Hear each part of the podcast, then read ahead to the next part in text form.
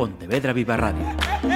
Cara a cara. Damas y caballeros, la Asociación de Directores de Informativos de Radio y Televisión da la bienvenida a Manuel Pena, director do Festival Internacional de Curtas de Bueu. Hola, que tal o día? Decía antes cando cando chegou casi así como, como broma que si estivéramos noutro famoso programa da televisión tería xa a tarxeta a platino, no? Para os convidados que xa levan cantidade de veces aquí con nós. Sí, esa verdade que para, para nós tamén xa é unha cita habitual e incluso ainda outro día na, na oficina estamos pouco comentando as citas e atención aos medios que íbamos a ter, esa unha delas é a ver cando nos chama Marisa para, para xa, xa saber que día vamos a ir e organizarnos porque xa contamos que sempre coa, coa chamada túa. Sí, señor, é un placer, como sempre. Mira, eh, aínda que para, para o público, bueno, o primeiro, as datas do 6 ou 14, que ninguén eh, esqueza e vaya anotando. Ainda que para o público a programación será neses días, eh, como ten dito eh, Manuel, eh, os seus eh, membros da, da organización outras ocasións, o traballo prácticamente xa ven de un, de un ano para outro. Entón, como ven de ser este último ano de traballo? Bueno, este ano foi bastante intenso no sentido de que se ven a, digamos, a preprodución, a organización do festival eh, foi máis ou menos similar a, de, a da edición pasada, xa que, digamos, a dimensión da programación, aínda que incrementou, non foi moi sustancialmente. Eh, este ano, como fixemos eh, máis traballos máis alo do festival, uh -huh. eh, estou me referindo a, a, aos obradoiros que realizamos, as proxeccións, eh, a colaboración con outros colectivos, onde íbamos a, a proxectar cortametraxes, pois foi moitísimo máis intensa, o que supuso unha carga de traballo bastante grande que si se notou a, a hora de, de preparar o, o festival uh -huh. e fixo que, digamos que, que a preparación máis intensa do festival comezase máis tarde, co cal resultou un verán tamén bastante intenso. intensito, intensito. Sí, a verdade é que notamos notamos un montón, eh, o sea, estamos esperando casi como a auga de maio, aínda que disfrutamos facendo todas as actividades, estábamos uh -huh. desexando que chegara o mes de suño, que era, digamos, o, o fin do do curso do ciclo, académico de, sí. para, para uh, vamos a centrarnos só no festival que, que quedan dos uh -huh. meses e pico. Ajá. Entonces foi un veraniño intenso, pero bueno, quedan oito días, estamos listos casi. Mira, eh, imos eh, coas protagonistas, as, as curtas. Cantas se presentaron, seleccionaron para, para a súa proxección? Eh, pois este ano se presentaron eh, como unhas 2.400 aproximadamente, non recordo a cifra, pero tamén este ano foi o ano que máis, digamos, películas visionamos máis aló das que nos chegaron. Ajá. Xa esa pois vendo visitando outros festivais, vendo eh, as curtas a través de outras plataformas ou, ou enlades que nos eh, nos daban acceso tamén a outros eventos importantes ao, ao longo do mundo. entonces este, este traballo de, tamén de, non de, de pesquisa e de, e de estar, digamos, seguindo a actualidade, nos permitiu eh, ter unha programación aínda de maior calidade e, sobre todo, ter unha programación de maior actualidade. Ajá. Tratamos de que, de que, eh, que o, cele, o festival o celebrarse en setembro e pechar, digamos, a, inscri pechar a inscripción no mes de abril As curtas do ano en curso, neste caso 2019, sempre son máis minoritarias que as do ano anterior. Entonces, -huh. tratamos de facer unha intensa labor e incluso irnos un pouco máis dal, a, a lo de, de abril. abril nesta labor para tratar de que as curtas de 2019 te, sean máis recentes. Claro, tiveran eh, a, a porcentaxe de curtas do, do ano curso fose maior. E isto o logramos, co cal pois se dá tamén ese cariz un pouco máis de actualidade, Ajá. se cabe o festival, que é unha cosa que tamén estábamos perseguindo dende hai un tempo. Eh, visitando outros festivais, eh, presencialmente ou a través de, de medios tecnolóxicos? Eh, combinamos ambos. Eh, este ano, debido que che comentaba de, de, mm, de que se, da gran carga que tivemos, que arriscamos demasiado por aí, eh, no traballo máis alo do festival, eh, non nos permitiu eh, sair Está moito. Entón este ano foi eh, iso, ver moitísimos como 400, 400 curtas ou, aproximadamente pois de, das seleccionadas nas seccións oficiais de outros festivais. Eh, eh, e o ano anterior, por exemplo, si que podemos eh, desplazarnos máis e o objetivo deste ano é volver a poder desplazarnos. eh, é un pouco que nos gusta asistir, sempre tomas notas de cosas interesantes de outros festivais, eh, e o vives, non sei, unha experiencia bonita e tamén, eh, digamos, eh, un premio tamén, non? Depois uh -huh. de, de estar... De tanto traballo. De tanto traballo, de tan, pois, eh, irse uns días a, a un festival a traballar, pero tamén uh -huh. a disfrutalo, pois tamén, digamos... Que, é un premio merecido. Te eso como, como un premio, e creo que este ano, despois de tanto traballo, a ver se nos podemos dar un, un par de premios destes, polo menos. Ajá. Mira, eh, o xurado tamén foi de nivel. Estiven mirando aí nomes eh, importantes, ¿no? Na, no visionado destas curtas. Sí, tratamos de cada vez pois, pois ir contando con xente cun perfil profesional eh, destacado. Eh, e tamén este ano temos incrementamos tamén o número de, de xurados, xa que eh, temos unha nova sección que é experimental para que para cal tamén temos un xurado propio. Este ano tivemos nada, máis, nada máis e nada menos que, que catro, que catro xurados. No nacional estaban eh, nomes destacados do, do panorama galego, como Xulia Bonjo, uh -huh. como actor, xa pasou por aquí tamén en algunha ocasión, eh, María Vázquez, uh -huh. recoñecida actriz e que susto este Benres vai estrear a nova película eh, de vacacións junto a Luis Tosar, quien en Hierro Mata, Ajá. que será, será tamén a película presentada no festival dentro do programa Carne Cruda, e, e Andrés Goteira, eh, director de, de Lu, que tuvo o ano pasado un gran éxito El... coa súa película Dogs, conseguindo uh -huh. o maior número de mestres mateos en unha, nunha uh -huh. mesma edición. e logo no, no internacional, pois contamos cun representante do Festival de Curtas máis afamado e importante do, do mundo, eh, Clermont Ferrand, un Antoine López, un dos seus fundadores. Uh -huh. Despois tamén quisemos ter representación dun festival nacional, neste caso eh, escollemos La Cabina, por ser, digamos, ter a peculiaridade de ser eh, un festival adicado exclusivamente eh, a mediametraxe, uh -huh. que é o único penso que en España, dos poucos que hai en, en, en Europa. Uh -huh. E, e despois pois contamos con co guionista e tamén realizador argentino para lle, para completar ese cariz internacional do, do surado e Alejo Fla. Ajá. Eu teño que, que recoñecer que algunos nomes eh, estou perdida. Non, non chego ao, ao, nivel de Manuel nin, nin de lonxe. Mira, eh, temos tamén eh, comentado noutras ocasións que este festival É un festival para todos os públicos. Eh, falemos entón dos nenos porque tamén eh, tenen o, o seu programa. Sí, é un, é un programa que, que ven crecendo dende fai uns anos, entonces a, digamos, acadouse a un certo volumen dentro da, da programación eh, creímos que, que, que era bosa pois englobalo dentro de, de, un, de un pequeno espazo, espazo propio. con seu propio nome eh, dentro do festival para nós é algo moi importante, tanto dentro do festival como durante o ano, con habituais visitas aos uh -huh. colexios, obradoiros para nenos e demais. Entonces, eh, sempre tratamos un pouco de, de cuidar moito o público do, do futuro, entonces eh, tratamos de acordarnos sempre deles na, na programación, este ano eh, na xornada final do, do festival prácticamente está a, a, máis aló da, das galas de clausura que evidentemente son o último día do, do evento, do... o resto de actividades son todas uh -huh. para, para eles. Ajá. Eh, conferencias tamén con, con nomes eh, moi reseñables da, da STEA, Manuel. Con quen vais a, a contar o podemos eh, contar nesta, neste eido?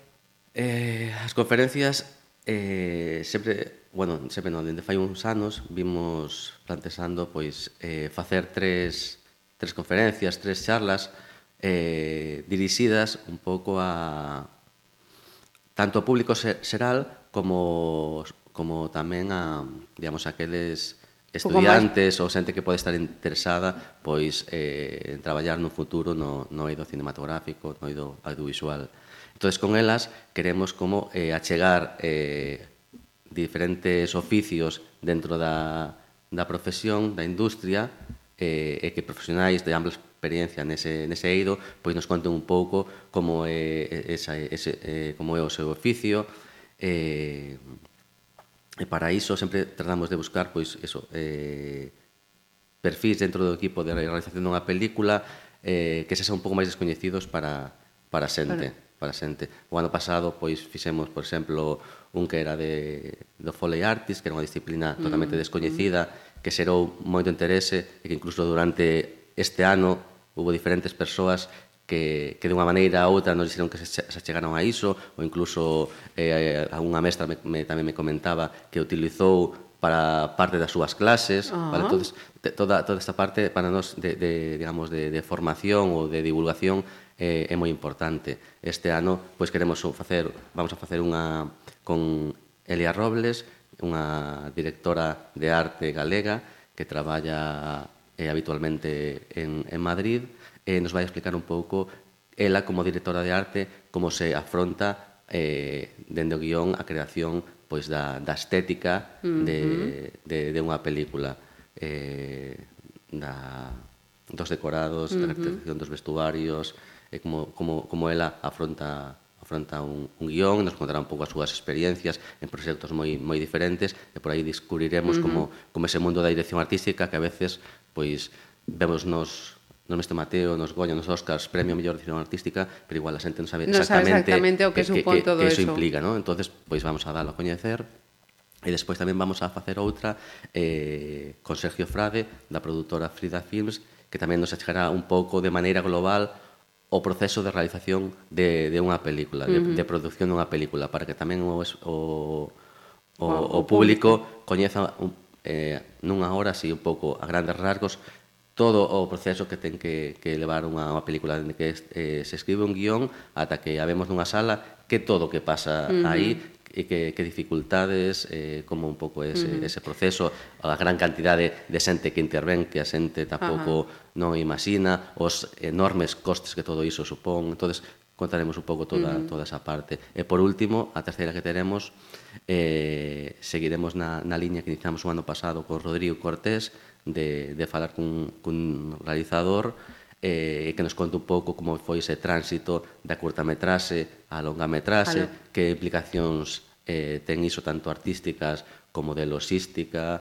Eh, este ano para, para iso pois, tenemos unha, unha conversa con, con Sacio Baño, que é uh -huh. un dos, digamos, curtametrasistas xa míticos do festival que participou en varias ocasións, gañou o premio en varias ocasións, e o ano pasado estrenou a súa primeira película, entonces creemos mm. que el tamén ten que pasar que este en persoa. Pola nosa, mm. polo noso espazo de, de curta a longa. Ajá.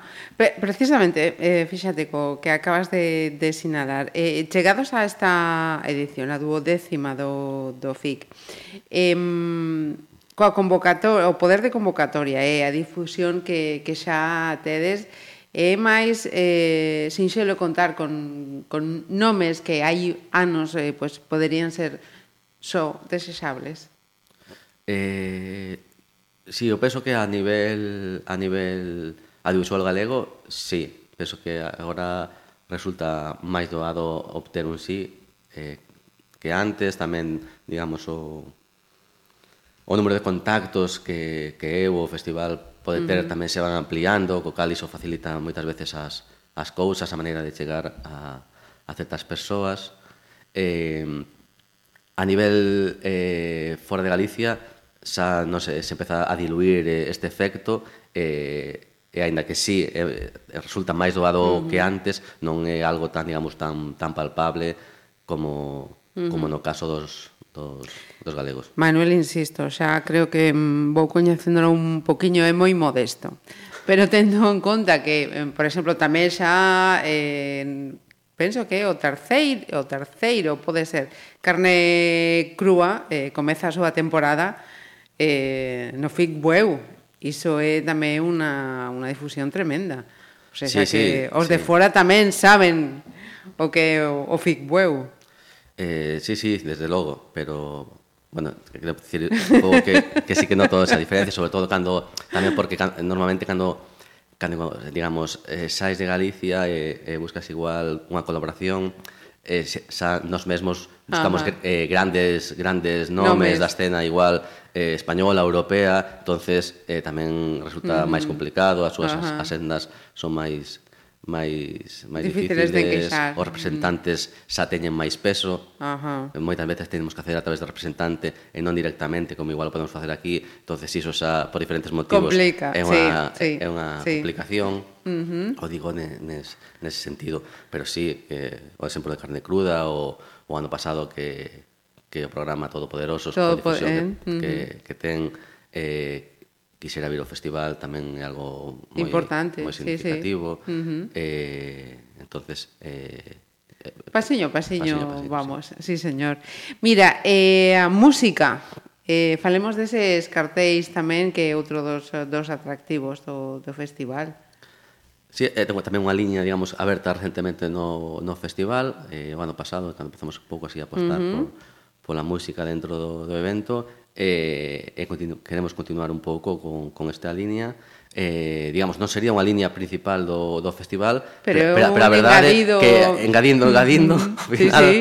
ao final sí que fixo un grosso eh, que aínda se, se está neste momento eh, incrementando porque vai haber tamén algunhas actuacións musicais dentro de algúns programas de radio dos, dos que vai haber durante a semana uh -huh. eh, e iso ao final pois haberá sete oito actuacións durante, durante o evento. Uh -huh. Están encabezadas, to, todas elas son de, de carácter eh, de balde, xa se están dentro do, mm, de algún dos programas ou espazos, ou sendo unha actividade propia, como as sesións Bermú ou outros concertos de rúa.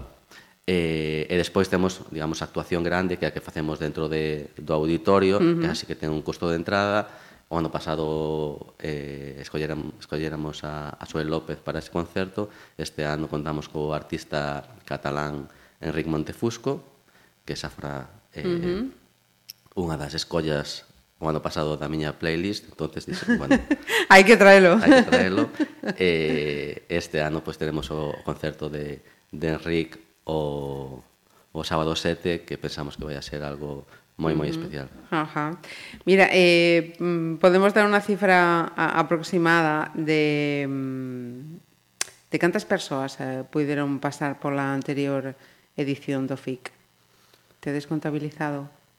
Eh, sí, a, a, agora de, de contabilizar digamos a a xente que move o FIC uh -huh. eh, podemos decidir se porque hai un salto cualitativo moi grande se, se contamos a, a xente que participa na ruta de etapas que organizamos uh -huh. ou non. Claro, se inclúe esa ruta claro, de etapas, claro, entón xa... Claro, se inclúe a, a, a ruta Pero tamén ruta é un que, motivo, claro. Que, claro, que é unha, é unha, uh -huh. é unha actividade sí, sí. eh, nosa propia do festival de carácter gastronómico, pero tamén cinematográfico, Ajá. pois aí rondaremos eh, igual as 16.000 persoas aproximadamente. Eh, se non contamos a ruta, pois podemos andar en torno ás 8.000 ou, ou algo así. A fin de contas é unha proposta máis e esas miles de persoas están aí porque o FIC eh, o tiña no seu programa, así que en torno a 16.000 persoas, casi nada. Eh, o premio de, de honra, o premio de honra, o premio cine Cinema Galego deste ano, contanos. Pois este ano, despois de, dos seus grandes papéis na temporada pasada, de gañar o, o Goya, temos este ano ten que ser o Tiña. de Luis, Luis Zaera, uh -huh. entonces non, non tivemos dúbida, yo propusemos eh, dende primeiro Por unanimidade. Sí, sí, sí. Bueno, o primeiro día que o chamei non me podo dar unha resposta porque estaba recén operado da, da gorsa, entón ah. tive que agarrar uns días pois non podía falar, pero sí, dende fora máis a desta, uh -huh. anécdota, eh, desde o primeiro momento pois eh, moi agradecido e disposto. Eh, e o teremos eh, intensamente eh, no festival. Eh, o plato principal será o sábado 7 que será un encontro con Luís onde faremos unha entrevista a profundidade que conducirá Pilar García Rego. Uh -huh. eh, falaremos da súa trayectoria e tamén presentaremos eh, dúas ou, no, tres, tres curtas. tres curtas del entonces eh, entregaremos o premio nesa actividade eh, será seguramente un acto moi moi emotivo, penso que, que a xente acudirá uh -huh. con moito interese para, para achegarse a el. E logo tamén participará eh, no programa de carne cruda como invitado, uh -huh. máis aló da presentación de Quien aí Romata, e incluso tamén participará o luns o luns 9, o luns 9 eh, no programa de del sétimo mm. de Javier Tolentino, pois pues, tamén participará. Ajá. O sea que esta... Hai tantas cousas na, na cabeza de Manuel eh, que, que entendo perfectamente o baile de datas. Non hai ningún, eh, ningún fallo. Mira, e falando de, de premios, canto vai do, do presupuesto os, os premios? Pois 5.000 e pico euros en, en premios, non, uh -huh. non recordo a cifra, pero sí, son 5.000 Santiago. Eh, xa sei que falar de, de cartos non é moi co correcto, pero eh, preguntei polos premios e polos patrocinadores siguen aumentando tamén?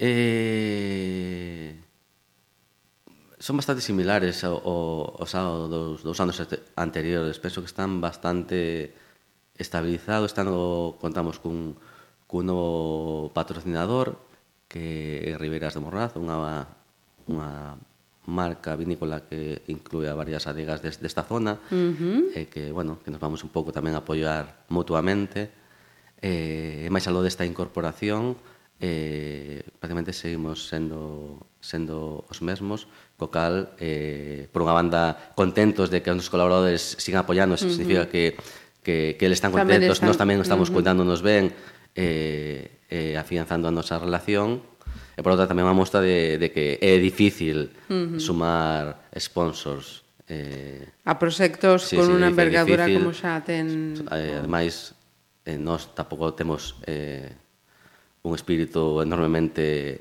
comercial ni de marketing, eh, non, digamos, non é o noso forte, simplemente facer ben o noso traballo, uh -huh. esperamos que, que sexa o que nos facilite uh -huh. eh, eh, acadar novos patrocinios máis que a nosa Verba. Pois eh, para todos eh, a, aqueles que aínda non nos saiban, en, non hai máis que ver a, a progresiva eh, evolución que ven tendo ano a ano este festival de, de Bueu que estes días falaba con, con persoas do Morrazo e decían, non, non, efectivamente, es que Os días do, do FIC de Bueu notase que a presencia de xente de fora, da mesma eh, vila, eh, é impresionante, está, está a mover moitas, moitas persoas este festival. Manuel, graciñas unha vez eh, máis. Nada, un placer estar aquí. Eh, e nada, agardar que, que todo resulte como desexamos, que seguro que, que sí, e iso, van a ser nove días moi intensos, donde en nove días vamos a desenvolver eh, 65 actividades diferentes que, que non é pouco. Aí vamos, nada. A, eh, vamos a proxectar eh, casi 120 películas, co cal penso que unha oferta uh -huh. cultural, me gusta subrayar o de cultural, por todo o que implica non só acceso a, a outras culturas, a, a digamos, a obras artísticas que non terías acceso a elas uh -huh. sen o festival, é mm, imposible, uh -huh. unha información, debate, análisis, o sea, cultura con mayúsculas, entonces me gusta destacar isto porque a veces a palabra cultura mm, se usa igual demasiado eh, frivolamente. frivolamente. Entonces, me, que me, gusta me, me gusta poñer eh, isto, isto en valor, o impacto cultural do evento. sí, señor. Moitas gracias, Manuel.